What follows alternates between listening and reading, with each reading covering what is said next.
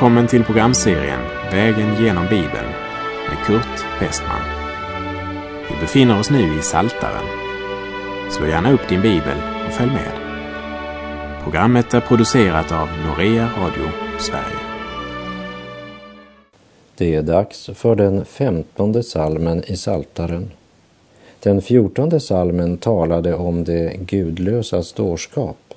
Här i den femtonde möter vi Herrens krav på rättfärdighet. Mycket tyder på att den här salmen, liksom psalm 24, skrevs i samband med att arken flyttades till Sions heliga berg. Vi läser Psaltaren 15, vers 1. En psalm av David. Herre, vem får bo i din hydda? Vem får vistas på ditt heliga berg? Den första versen är en fråga. De sista fyra verserna ett svar. Det finns bara ett heligt berg. Bibeln kallar det för Sion och det ligger i Israel. Ditt heliga berg kan också vara en bild på församlingen. Den tanklösa människan tror att det inte är så allvarligt att komma in i den allsmäktiges närhet. Och det är få människor som på allvar frågar sig om de verkligen är kallade att offentligt tjäna Jehova. De spelar så självsäkert på nådens trumpet men är helt okända med rättfärdighetens basun. Men den människa vars ögon blivit smorda av Guds helige ande, han bävar i ödmjukhet och vet att han i sig själv är ovärdig och vågar inte närma sig Gud annat än i Kristus, försonaren. Vem får vistas på Guds heliga berg? Och vi läser vers 2 till och med 4 den som lever fullkomligt och handlar rättfärdigt, den som talar sanning av hjärtat, den som inte brukar sin tunga till förtal, den som inte gör sin broder något ont och inte drar vanära över sin nästa, den som aktar den ovärdige för ingenting, som ärar den som fruktar Herren, den som inte bryter sin ed, även om det blir till egen skada. Här talas inte om tron och inte heller om Andens nådegåvor, utan här talas om de yttre synliga frukterna i vardagslivet. Men de lagar som kännetecknar Guds skapelseordning säger oss underförstått att där det finns en frukt, där finns det också en stam och en rot. Livet i Gud är mer än ord och lärosättningar och därför visar Guds barn sin tro genom de goda gärningarna i vardagen. Och då blir det uppenbart för alla att det inte är en död tro vilket står som en motsats till dårarna som vi läste om i förra salmen. De talade lögn i sina hjärtan.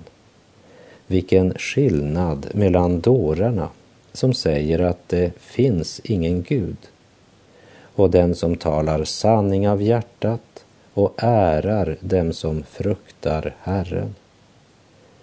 I den här salmen säger David detsamma som Jakob säger i Jakobs brev 2, vers 18.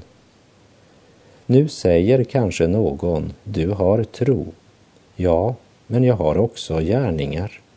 Visa mig din tro utan gärningar, så ska jag visa dig min tro genom mina gärningar.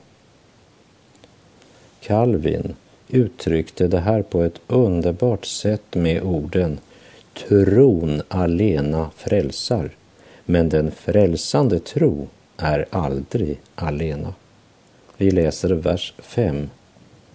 Den som inte driver ocker med sina pengar och inte tar mutor för att fälla den oskyldige, Den som handlar så skall aldrig i evighet vackla.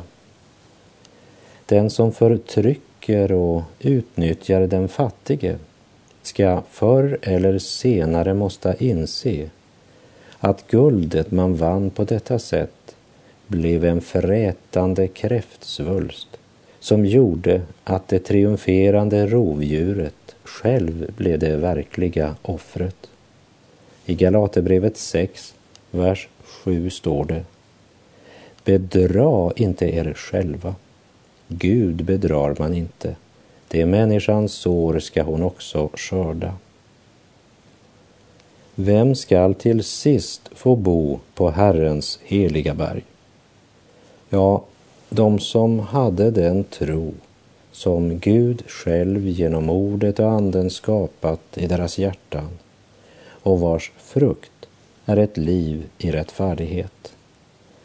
Martin Luther King sa vi behöver inte delta i den vansinniga kapplöpningen där man köper jordiskt beskydd. Gud är vår tillflykt. När Gud har ansvaret för ditt försvar kan du ha inre frid. Stanley Jones sa, när vi ser på oss själva blir vi deprimerade. När vi ser på andra blir vi intresserade. När vi ser på Jesus blir vi inspirerade. Tron leder alltid till handling, för en tro utan praktisk konsekvens är ingen verklig tro, utan bara en teori. Om vi önskar att Guds helige Ande ska göra sin gärning i våra hjärtan, så måste vi studera Ordet. Och vill vi att han ska göra sin gärning i andras hjärtan, måste vi ge dem ordet. Därför sänder vi i Norea Radio bibelprogram i Sverige och till Kina, till Indien, till Egypten, till Iran och så vidare. Och ordet vänder inte tomt tillbaka.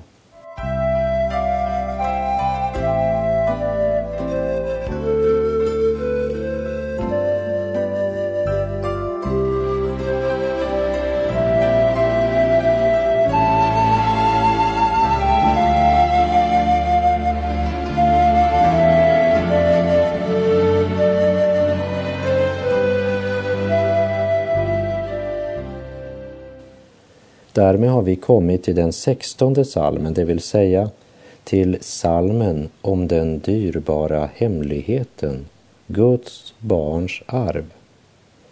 Psalm 16 är en gyllene juvel som pekar fram emot den arvslott som ska tillfalla den som är i Kristus.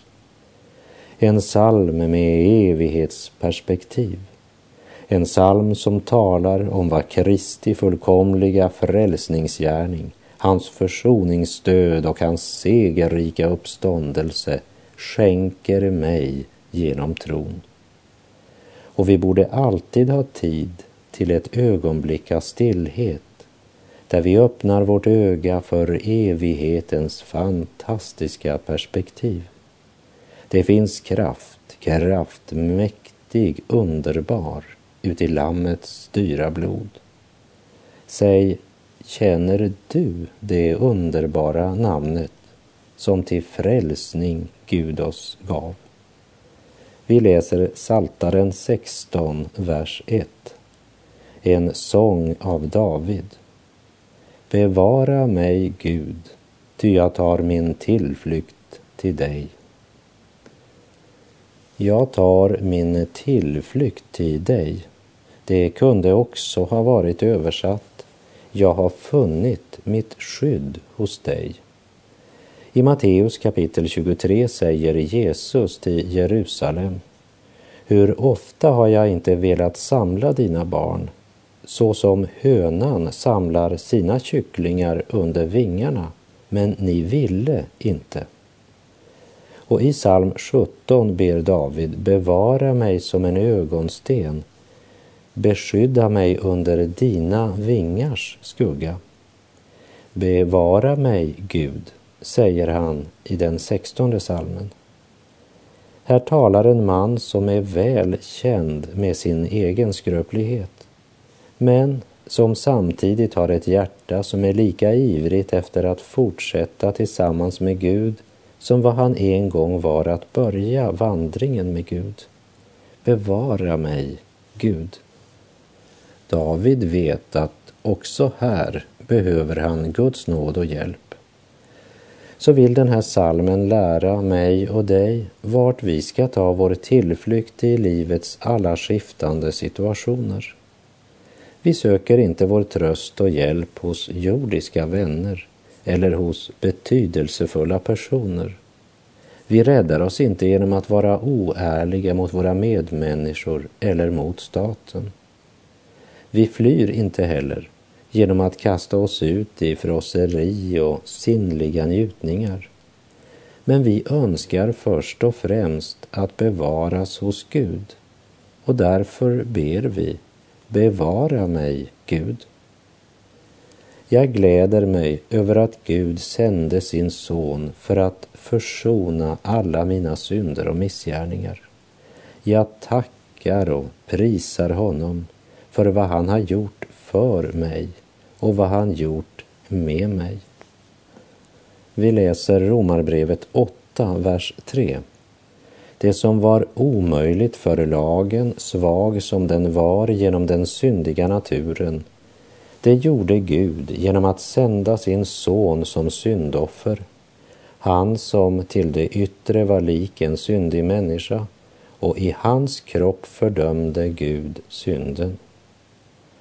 Därför tar jag nu min tillflykt till honom och ber att han ska bevara mig i sin närhet helt tills min vandring på jorden tar slut. Bevara mig, Gud. Och vers 2. Jag säger till Herren, du är ju Herren. För mig finns inget gott utom dig. Mina goda gärningar är inte goda eller fullkomliga. Jag har mottagit allt av dig och jag har inget att betala tillbaka med. Men du har ju aldrig frågat efter min värdighet. Det enda du önskade var att jag skulle ta emot vad du ger.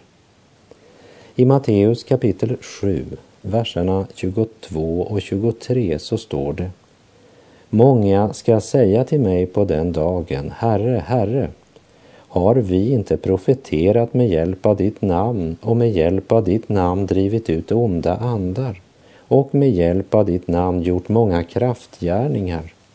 Men då ska jag säga dem sanningen. Jag har aldrig känt er. Gå bort ifrån mig, ni laglösa. Dessa människor kallade honom Herre och uträttade mäktiga och imponerande gärningar men de kände inte Gud. Var inte så upptagen av vad Gud vill göra, men sök den stillhet där Gud uppenbarar för dig vem han verkligen är. Herren är god och det finns inget gott utom Gud, men i Gud finns livets pärla och evighetens gyllene skatt. Vi läser Saltaren 16, vers 3. Det heliga som finns i landet, det är det härliga till vilka jag har allt mitt behag. Älskar du att vara tillsammans med trossyskon omkring ordet till bön och till sång? I Petrus första brev kapitel 1, vers 22 så står det Ni har renat era själar genom att lyda sanningen så att ni älskar varandra uppriktigt som bröder. Älska då varandra uthålligt av rent hjärta. Och Johannes första brev kapitel 3, vers 14. Vi vet att vi har gått över från döden till livet, ty vi älskar bröderna. Den som inte älskar blir kvar i döden. Och Johannes första brev 5, vers 1. Var och en som tror att Jesus är Kristus, han är född av Gud. Och var och en som älskar Gud älskar också den som är född av honom. Det som kommit till tro på Jesus är Herrens folk som trots all sin brist och skröplighet ändå är i Kristus och står rena och rättfärdiga, klädda i Kristi fulla rättfärdighet. Det byggs ett heligt tempel här på en syndfull jord. Den bär Guds egen stämpel, dess mönster är Guds ord. O helga Guds församling, du Jesu kära brud, i världen blott en främling men dyrbar inför Gud. David säger, det heliga som finns i landet, det är det härliga till vilka jag har allt mitt behag.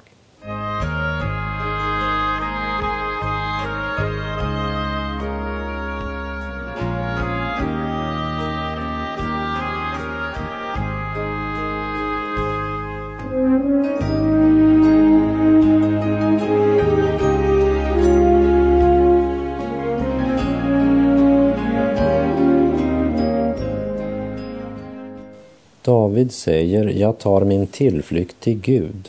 För mig finns inget gott utom Gud. Och där det heliga samlas, ja, där har jag mitt behag. Vi läser Saltaren 16, vers 4. Men det som tar sig en annan Gud, det har stora vedermödor. Jag vill inte offra deras drickoffer av blod eller ta deras namn på mina läppar. Var och en som tycker att en Gud är för lite ska verkligen få erfara att två är för mycket och att hundra inte räcker till. Den som tar sig en annan Gud får stora vedermödor. Galaterbrevet 6, vers 8 säger Den som sår i sitt kötts åker skall av köttet skörda undergång. Men den som sår i Andens åker skall av Anden skörda evigt liv. Du skall inga andra gudar ha vid sidan av mig, står det i Andra Mosebok 23. Det är det första budet de flesta sorger i vårt liv har sina rötter i själviskheten. Egoismen är en avgud och när den är kastad till marken så förlorar sorgen sin udd. När Mose hade varit på berget och mottagit lagens två tavlor av Gud så ser han att folket tillber en guldkalv. När han kommit tillbaka och när han fick se kalven och dansen så upptändes han av vrede. Och så kastade han tavlorna ifrån sig och slog sönder dem nedanför berget. Och så står det i Andra Mosebok 32, vers 20. Sedan tog han kalven som de hade gjort och brände den i eld och krossade den till stoft detta strödde han i vatten vattnet och gav åt Israels barn att dricka. På samma sätt blir våra käraste avgudar vår bittraste dryck om vi inte genast kastar dem ifrån oss. Vi kan bedra oss själva, men vi bedrar aldrig Gud. Och det vi sår måste vi skörda, eller som David uttrycker det, den som tar sig en annan gud, det har stora vedermödor. Vi läser i Saltaren 16, verserna 5 och 6. Herren är min del och min bägare. Du är den som upprätthåller min arvedel. En lott har tillfallit mig i det ljuvliga. Ja, jag har ett härligt arv. I den 23 salmen säger David Du smörjer mitt huvud med olja och låter min bägare flöda över. Här i den sextonde salmen säger han Herren är min beskärda del och bägare.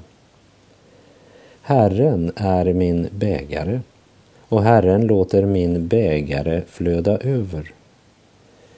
Hur människor behandlar oss betyder mindre. Bara Herren är vår tillflykt och vi får äga frid med Gud. För jorden har inga sorger eller sår som inte himlen kan läka. En lott har tillfallit mig. Jag har ett härligt arv. Här tänker David inte på kungakronan och Israels tron, men på den underbara sanning att allmaktens Gud är hans Gud. En människa kan inte erfara något större än att ha Herren som sin del och leva i daglig gemenskap med den levande Gud. Den som lever så, han kommer också att lova Herren sin Gud. Och vi läser verserna 8 till och med 10 i Saltaren 16. Jag har alltid haft Herren för mina ögon.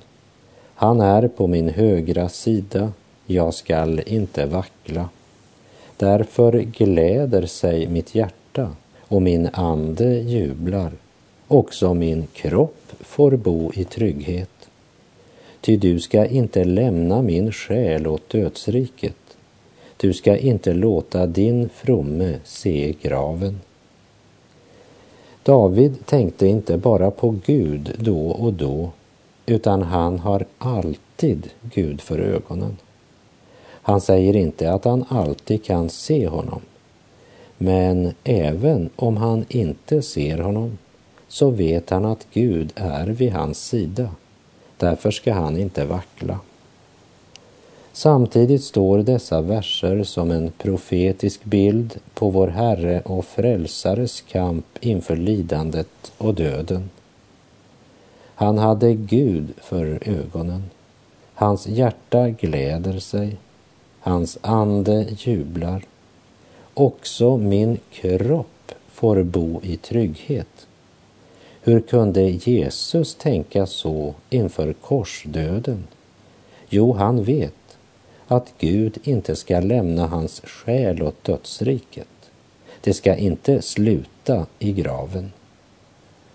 Det var ju över den sextonde salmen Petrus predikade på pingstdagen.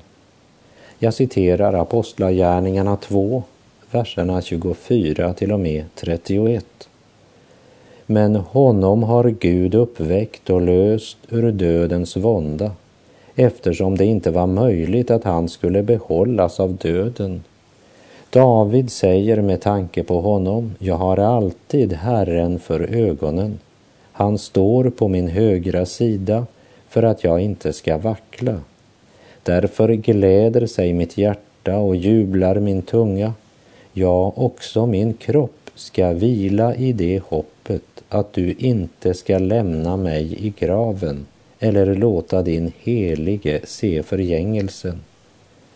Ty du har visat mig livets vägar och du skall uppfylla mig med glädje inför ditt ansikte. Mina bröder, jag får väl öppet säga er att vår stamfader David är både död och begraven. Hans grav finns ibland oss än idag. Han var profet och visste att Gud med ed hade lovat att sätta någon av hans ättlingar på hans tron. I förväg såg han Kristi uppståndelse och sade han ska inte lämnas kvar i graven och hans kropp ska inte se förgängelsen. Läs gärna hela Apostlagärningarnas andra kapitel efter programmets slut. Vi läser Saltaren 16, vers 10 och 11. Ty du skall inte lämna min själ åt dödsriket. Du ska inte låta din fromme få se graven. Du ska visa mig livets väg. Inför ditt ansikte mättas jag av glädje, av ljuvlighet på din högra hand för evigt.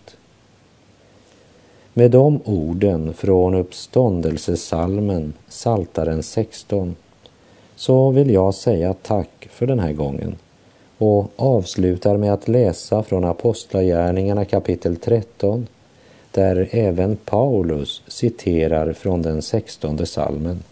Apostlagärningarna 13, verserna 35 till och med 38.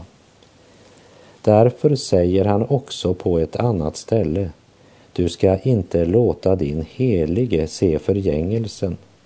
När David på sin tid hade tjänat Guds vilja insomnade han och blev lagd till vila hos sina fäder och såg förgängelsen.